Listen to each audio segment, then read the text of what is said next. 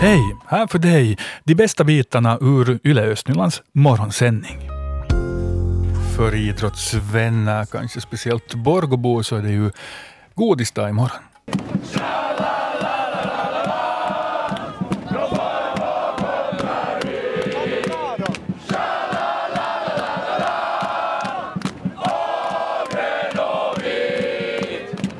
Ja, välkommen till vår sändning Niklas Skog.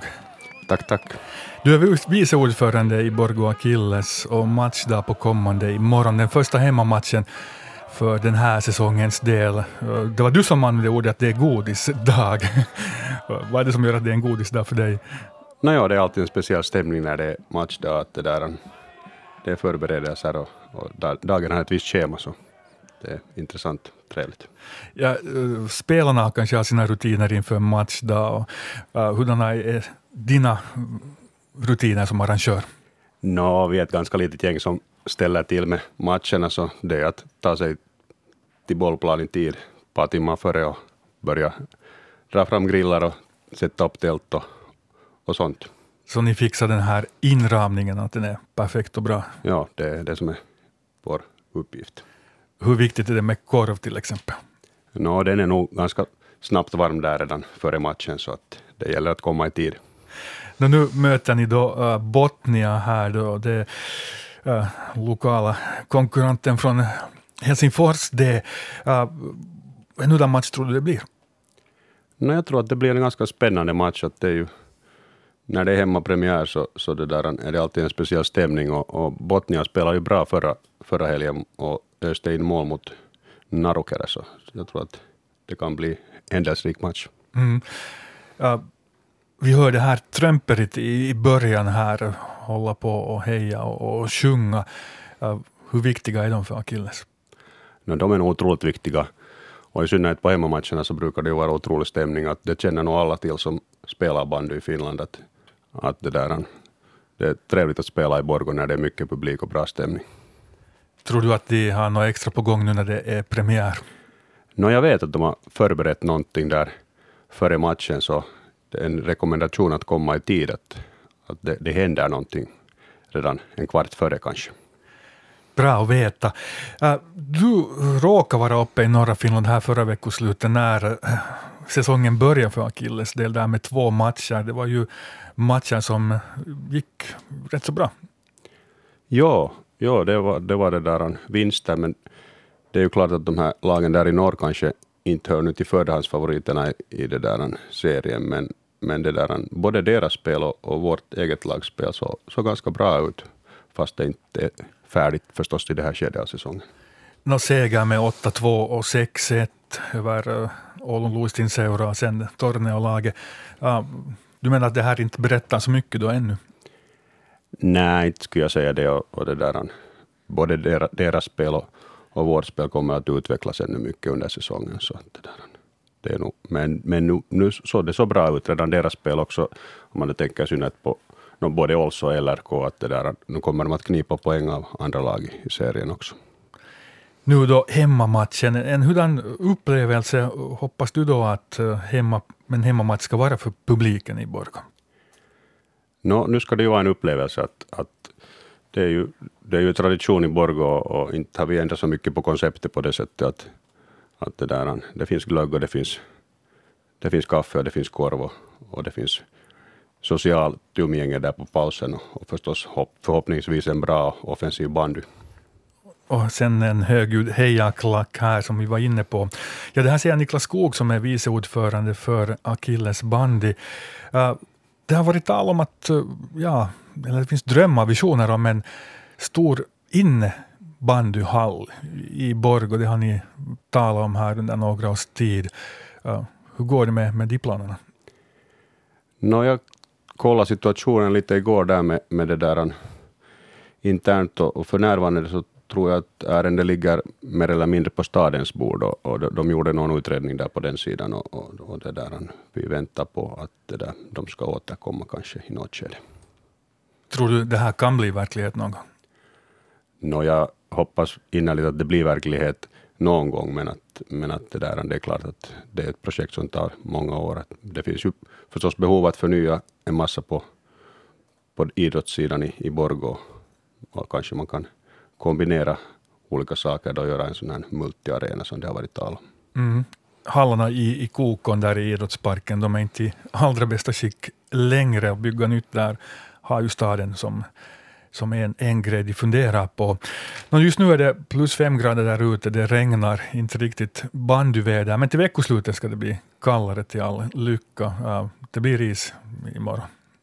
Jo, isen ligger nog där att, att det där, nu regnade det igår kväll, men nu var där ändå vissa tappra juniorer och, och tränade, att det där inte, inte, inte försvinner isen därifrån, och de har ju lovat faktiskt fint väder tills imorgon kväll, så vi får hoppas på det. No, nu är det ett nytt lag som skrinnar ut och inför säsongen där, är det några speciella spelare det lönar sig att kolla in då som man inte har sett förr? Jag har varit med på juniorsidan nu i, i tio år och, och det där, jag är stolt över att vi har så många juniorer där i laget som, som det där. Att, och, och överhuvudtaget så har vi ett lag som största delen består av Borgo-spelare. Så att, men att det är klart Denis Sadakov som kom återvände från Ryssland till Borgå, så han, han kommer nog att vara en spektakulär spelare. Han har redan gjort, var det sju mål, eller hur många var det? Fem? No, ja, det är hans uppgift. Han spelar anfallare. Jag menar, det finns många andra viktiga spelare i bandymatchen också.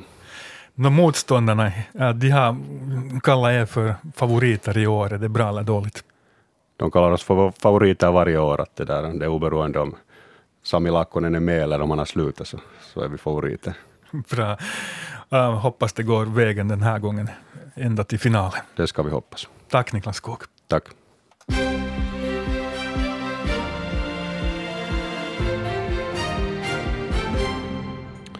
Ska verksamheten vid Forsby hälsogård flytta till huvudhälsostationen i Lovisa eller inte?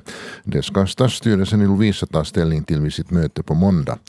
Grundtrygghetsnämndens förslag har varit att hälsogården inte flyttas och stadsstyrelsen har tidigare både bordlagt ärendet och senare beslutat att föreslå stadsfullmäktige att centralen flyttas. Fullmäktige däremot beslöt att remittera ärendet till ny beredning. Efter det har Grundtrygghetscentralen bedömt konsekvenserna genom att jämföra olika alternativ. På måndag är ärendet alltså uppe till behandling i stadsstyrelsen i Lovisa för tredje gången. Den östnyländska yrkesutbildaren Kareria i Borgo får en statlig tilläggsfinansiering av undervisnings och kulturministeriet. Det handlar om en riktad finansiering för att förbättra tillgängligheten av arbetskraft genom att öka utbildningen av närvårdare. Tilläggsfinansieringens storlek är 330 000 euro. Totalt delar undervisnings och kulturministeriet ut 12 miljoner euro för att förbättra tillgängligheten på yrkeskunnig arbetskraft. Ett 200 kvadratmeter stort hus fattade eld igår kväll i Tolkis i Borgo. Det är samma hus som fattade eld för ungefär tre veckor sedan. Branden utbröt på vinden och Räddningsverket ryckte ut med åtta enheter och fick den begynnande branden under kontroll. Räddningsverket i östra Nyland misstänker att det kan röra sig om ett elfel som antänt huset två gånger inom tre veckor. Stora facklor och buller blir resultatet av att Nestes raffinaderi i Köldvik i Borgå kör igång en enhet som legat nere för service. Det kan också förekomma lukt i närområdet under de närmaste dagarna. Också Borealis har sedan i söndags utfört servicearbeten på en enhet. Den enheten startas idag och också där kan facklan vara större än normalt och det kan bullra i plastindustrins närområde. Så en utnämning. Kristel Björkstrand har valts till ny direktör för Sydkustens landskapsförbund. Björkstrand har sedan 2015 lett finlandssvenska idrott och har en lång erfarenhet av ledarskap, utvecklingsfrågor och samarbetsprojekt. Sydkustens landskapsförbund är en aktiv aktör inom utbildning och kultur. Kristel Björkstrand inleder arbetet på sin nya post i slutet av januari. Och i riksnyheterna den här morgonen eh, det ska handla om arbetstvisten mellan industrifacket och teknologiindustrin. En konflikt som idag landar på riksförlikningsmannens bord. Och vädret är idag mulet och regnigt, senare ikväll västerifrån snöfall. Den sydliga vinden är måttlig och den högsta dagstemperaturen mellan 4 och 5 plusgrader. Ikväll västerifrån kallare. Och nu ska vi i, till Nickby. Vid Stora byvägen finns uh, en hel del gamla trähus i blått, eh, gult och vitt som uh, både förtjusar och förfärar. Vår reporter Mira Bäck var där igår.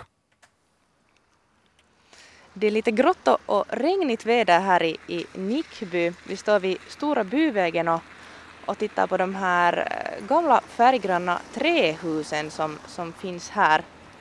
Jag är här med Susanna Parri från Sibbo byggnadstraditionsförening. Du känner till de här gamla trähusen bättre än jag. Kan du berätta någonting om dem? Ja, det, största delen av dem är flyttade uh, från, vad heter det, till exempel från Terijoki och det finns, vad heter det, och det här Sing Sing är från början av 1900-talet. Detaljplanen för det här området ändras nu och kommunen har utrett husens skick. Det gäller alltså då just Rosenholmshuset och Sing Sing. Och man säger att de är i så dåligt skick att kommunen inte kommer att kräva att ägarna ska renovera husen utan antagligen kommer de att rivas om det inte hittas någon renoveringsvillig husentusiast som köper dem. Vad tycker ni i föreningen om det här? No, vi har bett nu kommunen om att få se de här rapporterna för vi tycker att det verkar lite underligt på det viset att kommunen det verkar som om kommunen gör med alla sina, vad heter det, allt som de kan för att stödja nybygge istället för att renovera gamla hus när de tar till sådana här åtgärder till och med. Att det här problemet med de här husen att de har gått illa så det har ju börjat genom att de har byggt den här vad heter det, gågatan så här högt upp att det här vattnet rinner ner dit i vad heter det, sockeln dit på de här husen. Och det har varit en, en jag tror att det har varit kanske ungefär tror jag 15 år, åtminstone vår ordförande så hon bor dit i ändan i det där gula huset som du ser med grönt tak och vad heter det, hon har hon har bott här då när de har gjort det här byggnadsarbetet och de har hamnat installerat till exempel sådana pumpar för att vad heter det, få bort det där vattnet som nu rinner från den här vad heter det, gågatan in dit i källarna på de här husen. Att det här problemet och varför de här husen har farit illa från början så har börjat från att kommunen har byggt den här vägen för högt och då har inte lyssnat på klagomål då när de har gjort det och korrigerat det då när det skulle ha varit möjligt. Vi skulle önska att kommunen kräver av husägarna att de ska sköta om sina hus. Och speciellt det här med kommunens, vad heter det, varför så många av våra föreningsmedlemmar som jag har pratat om, så de har till och med flyttat till Nickby på grund av de här husen, som jag själv också har gjort från Borgå flytta hit, för att de här husen var så idylliska. Och nu vill de riva bort det, det är liksom den där säregna jotton, den där Sibos brand som försvinner genom att vi river bort de här gamla historiska husen och tar till något bulkhus från Korso eller vad som helst för tätort istället. Har ni förståelse för de som äger sådana här gamla trähus och kanske tycker att, det, vad heter det, att man inte har tid eller resurser för att fixa till dem? Absolut har vi, vi vår förening så vi har i alla fall nästan alla som, som är är del av vår förening så har egna gamla hus och vi förstår att det tar jättemycket tid och energi. Och speciellt om man inte bor där i det där huset så då är det ju helt omöjligt och man måste sköta om det ännu till. Men att då skulle man kunna tänka på några andra åtgärder som till exempel att hyra ut det åt någon förening eller åt något välgörande eller sen ordna talko eller någonting. Vi har faktiskt kontaktat några, före, några husägare tidigare och vi ska ha haft möjlighet att hjälpa dem och ordna, vi ska ha villighet att ordna talko men Härtills har ingen ännu svarat ja eller tackat ja. Där hörde vi Susanna Parri från Sibbo byggnadstraditionsförening. Från kommunen så säger planläggare Dennis Söderholm att tanken från början var att Rosenholmshus och Sing Sing skulle märkas in i områdets detaljplan som skyddade hus, inte att man vill bli av med dem. Ägarna meddelade att husen är i alltför dåligt skick och kommunen lät en oberoende part göra en konditionsutredning där man kom fram till att ägarna hade rätt. Jag ringde också upp Kerstin Broström som äger Sing Sing. Hon tror inte att det skulle ha hjälpt att renovera huset i ett tidigare skede. Nej, jag tror inte. Nu har det redan hållit på att förfalla ganska vid. Då när min man köpte det var det 91 så då lät vi ju måla det och, och måla taket och då såg det ju hemskt snyggt ut men att nu var det ju då redan, nu var det ju då redan som den där vägen var, var hög. Mm. Och sen har de nu höjt den i några gånger till där så. Att stenfoten eller sockeln eller allt som är dit under så det är nog helt färdigt och ruttet så att det går nog inte. Det, det går inte. Det går inte helt enkelt. Det är omöjligt. Det här säger Kerstin Broström som äger Sing Sing-huset i Nickby. Och enligt planläggare Dennis Söderholm så var det staten som byggde den då för husägarna lite problematiska Stora byvägen på 1980-talet. Och efter det har den ytterligare då höjts och Söderholm tror inte att kommunen kommer att göra någonting åt den nu.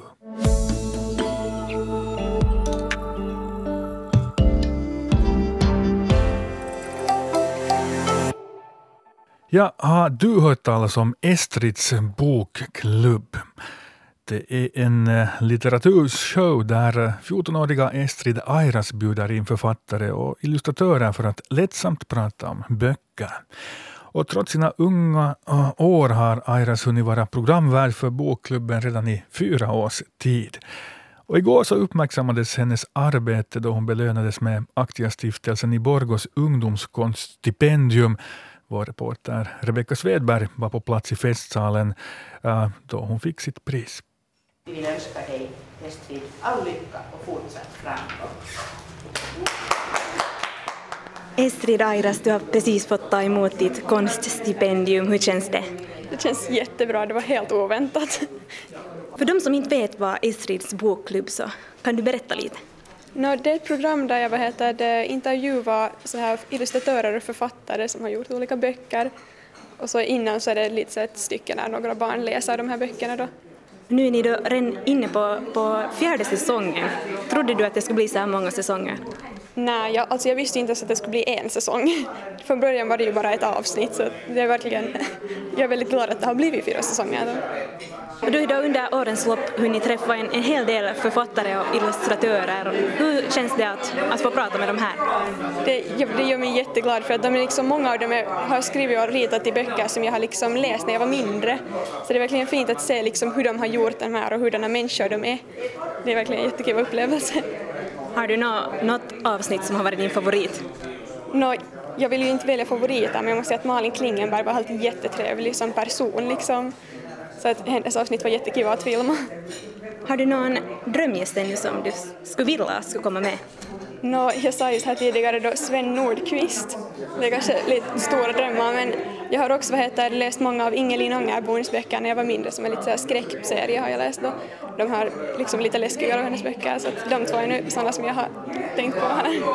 Varför det? Eh, no, just Ingelin Angerborn har skrivit just lite liksom, jag har jag läst allt massor av hennes böcker och jag har tyckt om dem helt massor. Och sen vad heter Sven Nordqvist gör helt jättevackra så superdetaljerade målningar och teckningar som jag tycker de är bara helt otroliga och jag skulle verkligen vilja se hur han gör dem och sånt här. Ja, du är ju bara 14 år gammal, du går i, i, på högstadiet i Lovisa. Hur får du tiden att räcka till att både hålla på med det här och sen göra läxor? No, som tur är det ju inte jag då som sköter allt det här liksom, och producering och editering och allt det här så att egentligen tar det inte så, så hemskt mycket av min tid det här liksom att jag då åker typ en dag och är i Helsingfors då. Men vad heter det, så jag hinner nog helt bra. Är det roligare att, att hålla på med det här eller, eller att gå i skola? Då skulle jag nog hellre jobba med Estrids bokklubb på heltid om jag fick välja. Om du blickar lite framåt och du är som sagt nu bara 14 år, vad händer efter högstadiet och drömmer du också om ett yrke inom det här på något sätt? No, jag drömmer om att gå i ett konstgymnasium, det heter det Torkeli i Helsingfors. Men efter det vet jag faktiskt inte, någonting med konst skulle jag åtminstone vilja göra. Så att illustratör eller bara konstnär, vad som helst funkar för mig, så länge jag får rita. Ja, du berättade här tidigare att du ritar också själv en, en hel del, berätta lite om det. No, jag har heter, alltid älskat att rita, alltså att det är liksom det som jag, det är min liksom, no, passion då kan man väl säga. Så att jag ritar liksom massor varje dag och jag tycker om att göra så här hitta på lite så karaktärer och lite historia till de här karaktärerna så att jag funderar just nu på att jag kanske göra en serie till två av mina karaktärer men jag vet inte, det ser inte så hemskt bra ut just nu. Det är ganska svårt. Ja, har du redan på någonstans lagt upp det vad du ritar? Kan man se det någonstans? Jo, jag har en Instagram-account som heter estridoodle. Och eftersom att det är en bokklubb så antar jag att du säkert också läser en hel del? Ja, just nu läser jag mest för heter det, böcker som vi har fått från skolan för att vår svenska lärare ger oss eh, liksom, varje liksom, år några böcker som vi måste läsa och sen göra några, liksom, några projekt om så att just nu läser jag nu mest om det men jag läser också den sista Harry Potter-boken just nu. Har du någon favoritbok? Det är så svårt att välja men jag älskar den fjärde Harry Potter-boken. Varför just den fjärde?